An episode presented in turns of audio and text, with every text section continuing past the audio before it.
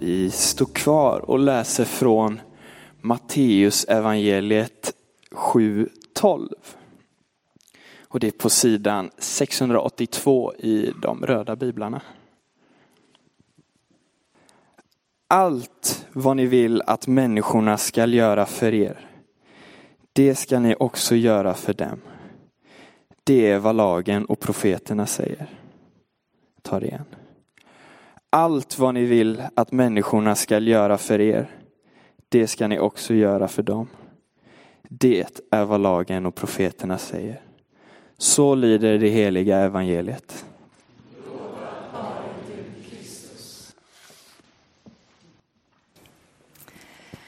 Allt vad ni vill att människorna ska göra för er, det ska ni också göra för dem. Den gyllene regeln. En regel eller snarare en livsstil, en hållning att ta fasta på. Och för mig är det alltid en utmaning när jag hör bibelord som jag har hört väldigt många gånger innan. Det är en utmaning att lyckas stanna upp och försöka lyssna på det här bibelordet som om det var första gången jag hörde det. Och som med det mesta som Jesus sa och gjorde så är även den gyllene regeln radikal. Jesus var inte den första att ha den här typen av regel. Det fanns liknande inom andra religioner och livsåskådningar. Till exempel inom judendomen. Det fanns samtida med Jesu födelse en rabbin, Hillel, som formulerade sig ungefär så här. Gör inte det som är avskyvärt för dig mot din nästa. Och Jesus hade säkert hört om den här Hillel. Men Jesus kommer till slutet av bergspredikan, det är där vi hittar dagens text, så uttrycker han sig lite annorlunda. Allt vad ni vill att människor ska göra för er, det ska ni också göra för dem. Det som blev Jesu gyllene regel har en lite mer positiv ingång. Istället för att tala om det man inte ska göra, gör inte det som är avskyvärt för dig mot din nästa, så går Jesus direkt på det man ska göra. Allt vad ni vill att människorna ska göra för er, det ska ni också göra för dem. Men innan vi funderar mer på vad det är vi ska göra för våra medmänniskor så vill jag stanna upp vid vad det är som Jesus inte säger i den gyllene regeln. Han säger inte att du ska älska din nästa mer än dig själv. Och det här är inte oviktigt. För vi behöver hitta ett bra förhållningssätt till oss själva. Det är inte ovanligt att vi kan vara hårda mot oss själva och i värsta fall destruktiva. Vi riskerar alla att ibland känna eller säga till oss själva, jag måste vara en av de största idioterna som går på den här jorden. Eller varför misslyckas jag nästan med allt jag gör? Jag får skylla mig själv. Och det är inte ett bra utgångsläge när man eh, ska göra mot andra det man själv skulle vilja göra mot sig själv. Kanske brottas du med dig själv, har svårt att tycka om dig själv. Du kanske är hård och kritisk mot ditt inre. Och ett sätt att förhålla sig till sitt eget innersta är att se sig själv, sitt eget innersta, som sin allra bästa vän. Att behandla sig själv som sin egen bästa vän. För den allra bästa vännen älskar. Den allra bästa vännen föraktar inte. Den bästa vännen ser inte sin väns liv som en rad fiaskon och misslyckanden. Så gör inte en riktig vän. Och då ska ingen göra det mot sig själv och sitt innersta heller. Vi behöver försöka förstå att vi är älskade av Gud för dem vi är. Vi behöver bottna i en god självbild Att inse att vi är värda att älskas. Annars är det svårt att hitta en jämvikt i den utgivande kärleken, i att ge kärleken vidare till den andre.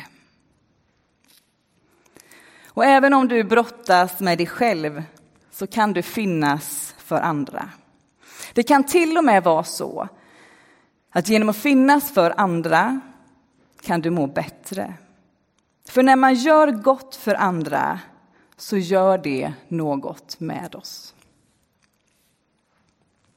Jesus säger inte heller allt vad andra människor säger att du ska göra, det ska du göra åt dem. Det är ju lättare än vad man tror att hamna där.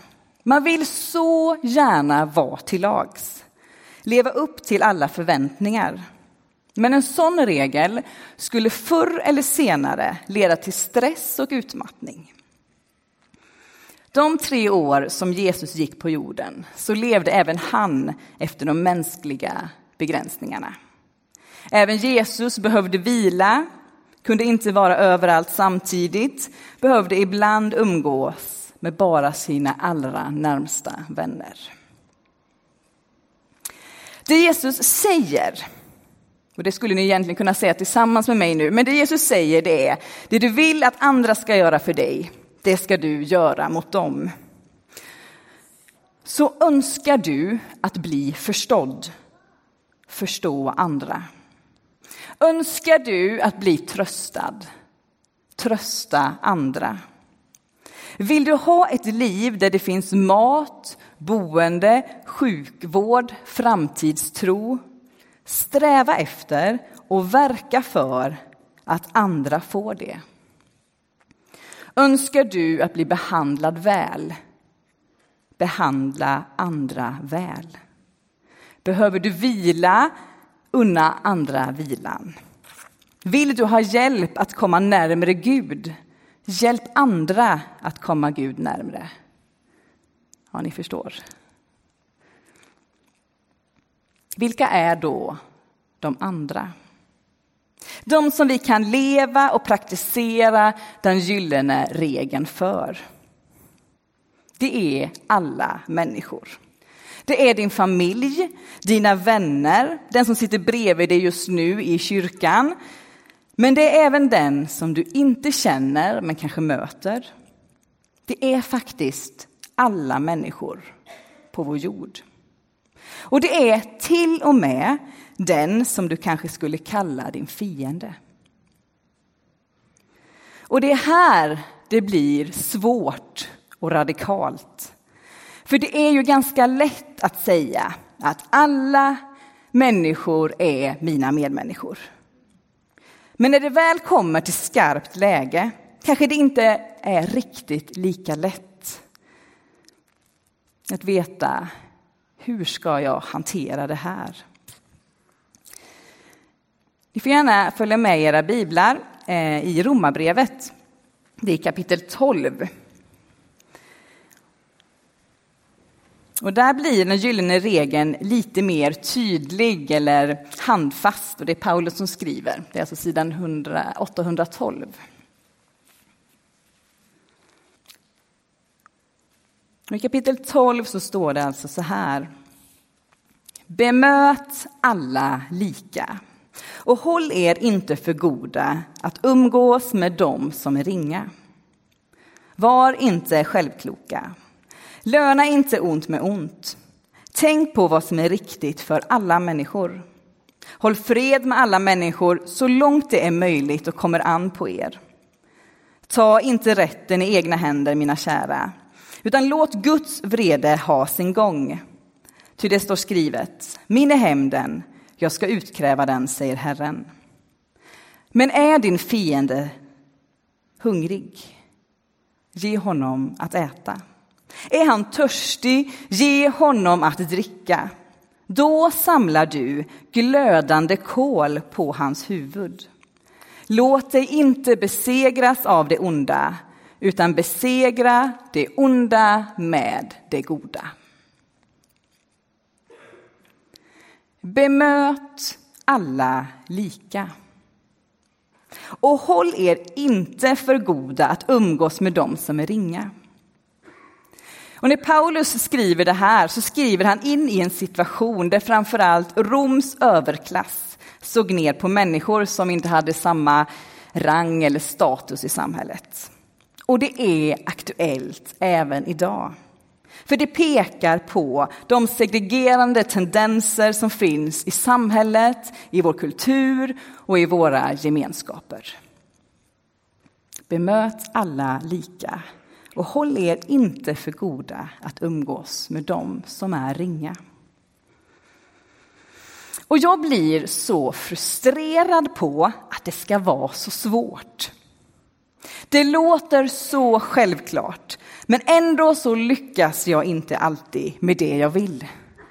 Att umgås med alla typer av människor, inte minst de som är udda, ensamma, utsatta. Och när Paulus skriver, men är din fiende hungrig, ge honom att äta. Är han törstig, ge honom att dricka. Så behöver jag och vi ställa oss frågan, lyckas vi bemöta även de vi har svårt för med kärlek? Lyckas vi bemöta även de vi har svårt för med kärlek? Jag lyckas inte alltid. Och vi som gemenskap lyckas inte alltid. Slutklämmen på det Paulus skriver. Då samlar du glödande kol på hans huvud. Låt dig inte besegras av det onda, utan besegra det onda med det goda. Det är ett förhållningssätt där det goda har en chans att sprida sig vidare. Bilden av glödande kol på fiendens huvud syftar på den så kallat goda skammen. Att man inser sin illvilja och vänder om. Att man ändrar sig när man möter godhet istället för hämnd. Det goda bemötandet som fienden får är alltså inte bara för att man överlämnar rättsskipningen till Gud utan även för att det med bemötandet faktiskt kan förändra fiendens hjärta. Och det sammanfattas bra i låt dig inte besegras av det onda, utan besegra det onda med det goda. Och det är en bra sammanfattning av hela evangeliet. När vi ser oss om i världen så ser vi att det pågår förföljelser, krig, terror. Människor är på flykt och utsatta. Och människor, vi människor, tycks inte behandla varandra som vi själva vill bli behandlade. Och det som sker runt om i vår värld är inte isolerade problem. För vi sitter alla ihop. Därför är det en angelägenhet för oss. Därför ber vi för människor runt om i vår värld varje gudstjänst. För det angår även oss. Precis som vi även ber för dem som är nära och för oss själva. Medmänsklighet behövs överallt, på olika plan. Och det är uppenbarligen något som inte kan tas för givet. Det är något att kämpa för, både i stort och i smått. Det är en kamp som ständigt pågår i vår värld, i vår vardag och i oss själva. Jag står och tittar lite på klockan här och funderar på om jag ska göra någonting som jag gör väldigt sällan. Jag är inte en som älskar dikter.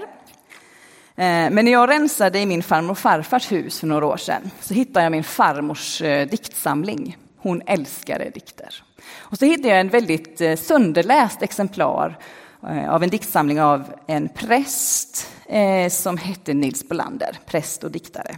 Och så hade hon markerat en dikt. Så jag tänkte, den kan jag ju läsa i varje fall. Och den träffade mig i hjärtat. Den satte ord på min frustration och sorg över min egen litenhet och min egen bekvämlighet som jag så lätt fastnar i. Det är mina medmänniskor, medmänniska, vilka människor som får vara med alldeles för ofta stannar vid dem som är närmst. Så jag tänker att jag läser eh, dikten och den är skriven på 30-talet så den var aktuell då. Jag tror min farmor läste den som mest på 50-talet. Och jag läser den nu och känner, ja, tyvärr så är det ju aktuellt även idag. Och den heter Soffagrupp. Vi kristna älskar att sitta och kuttra i syskonring. Var är vår heliga smitta som sprider sig vida omkring? En soffagrupp, ängsligt sluten och döv för Herrans revelj kan knappast bli något bättre än kristen skvallerkonselj. Jo, en klubb för inbördes beundran till det utvaldas fromma behag. Men aldrig en levande, verksam cell och ett slagkraftigt arbetslag. Och vi som har kallats att dela en människofiskares lott och draga i människohavet Guds stornot ivrigt och brått. Vi fingo en uppbrottsorder, en stav och ett hastande bud. Att skynda oss ut bland de många och vinna byte åt Gud. Att vara en kristen på allvar är inte en länstolslur det är att bygga två bryggor där fienden bygger en mur. Det är att tävlingslöpa med projektil och granat. Vem skall besitta jorden? Kärlek eller hat?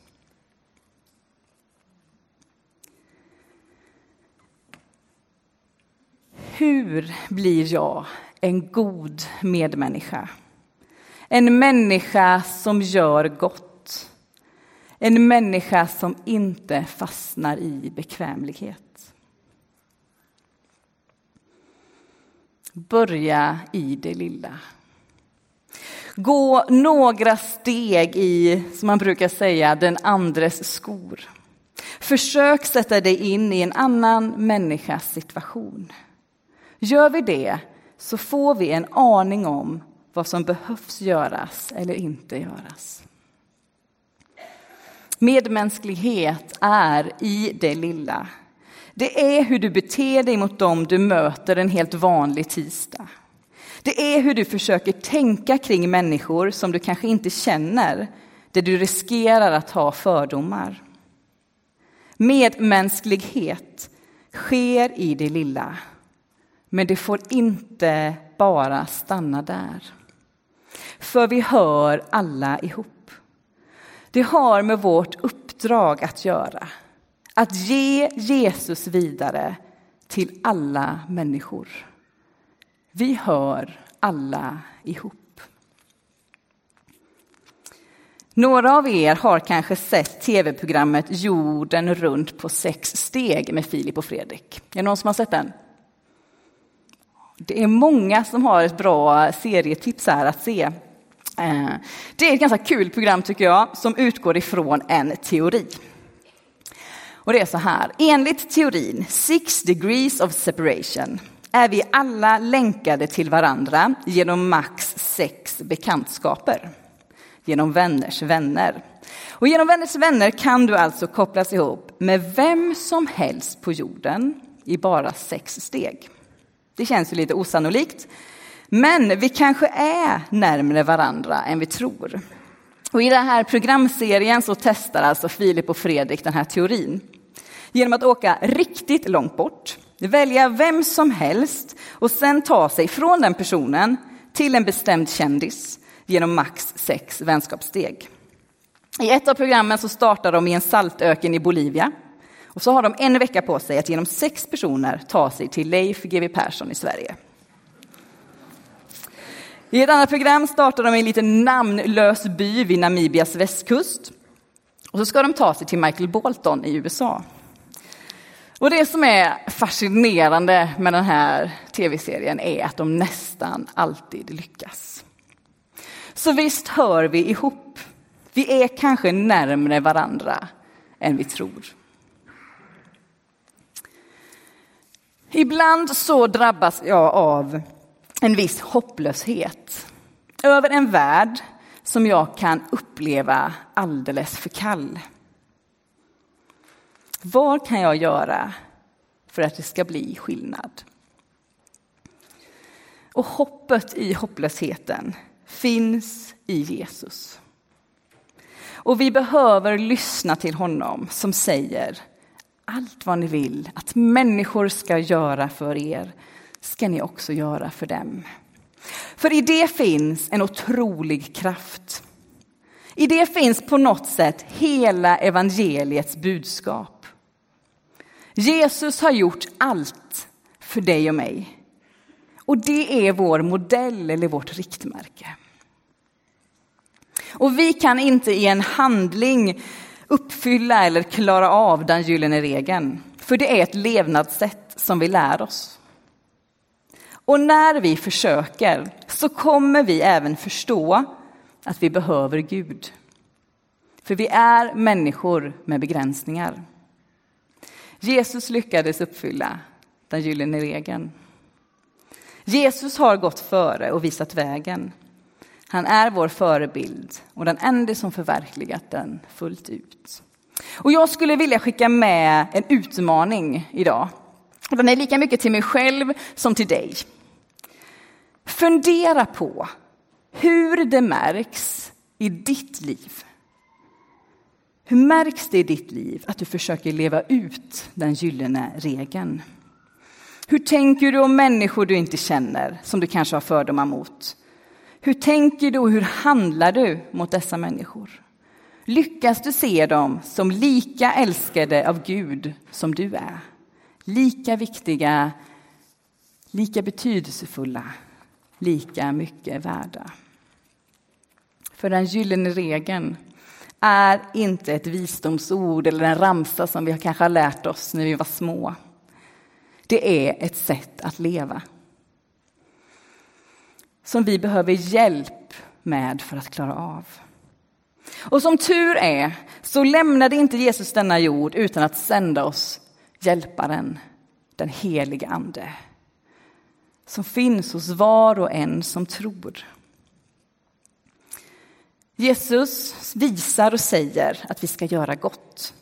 Och goda handlingar har en tendens att sprida sig.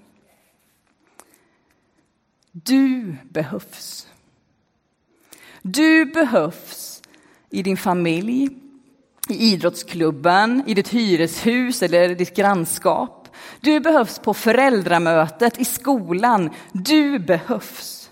Du som vill formas av Jesus. Och du behöver säga och visa att allt vad du vill att människor ska göra mot dig ska du också göra för dem. Du behöver visa vad medmänsklighet är. Medmänsklighet som kommer från Gud. Som kommer från hans sätt att vara. Du behövs. Det du gör eller inte gör påverkar och gör skillnad. Och snart firar vi nattvard tillsammans. Och Jesus räcker oss sin kropp som är laddad med hans kärlek till var och en av oss. Som vi får ta emot som en gåva. Så att vi kan få fortsätta att växa och bli människor som inte bara läser om hur vi ska leva utan att också få bli till handling bli på riktigt i våra liv. Börja i det lilla. Och låt oss hjälpa varann att inte fastna där. För vi kan tillsammans och i Guds kraft göra så mycket mer. Det lilla kan bli början på något stort. Och känner du nu att du liksom har blivit lite så här tyngd av den här predikan, så bli inte det. För Jesus är frihet och kärlek. Och främst så önskar jag att du går härifrån och känner dig älskad av Gud som är kärlek. Som vill att vi är med och gör den här platsen till en plats där vi kan se Gud och där vi kan se på varandra genom Guds ögon. Ibland behöver vi bli burna och ibland är det vi som får bära. Och det är styrkan i att vara en församling. För vi är olika, men vi tillhör ändå samma kropp och alla behövs. Ibland är vi starka och ibland är vi svaga. Ibland känner vi att tron bara är naturlig och ibland är tvivlet stort. Men oavsett det så är vi älskade av Gud som älskar inte bara oss utan hela den här världen. Låt oss be. Herre, hjälp oss att inte fastna i vår egen bekvämlighet. Hjälp oss att leva för dig och alltså för vår nästa. Och inte bara vår nästa som vi har allra närmst, utan hjälp oss att älska som du. För det finns ingen annan väg. Det är din väg. Lär oss att älska som du. Herre, älska genom oss. Amen.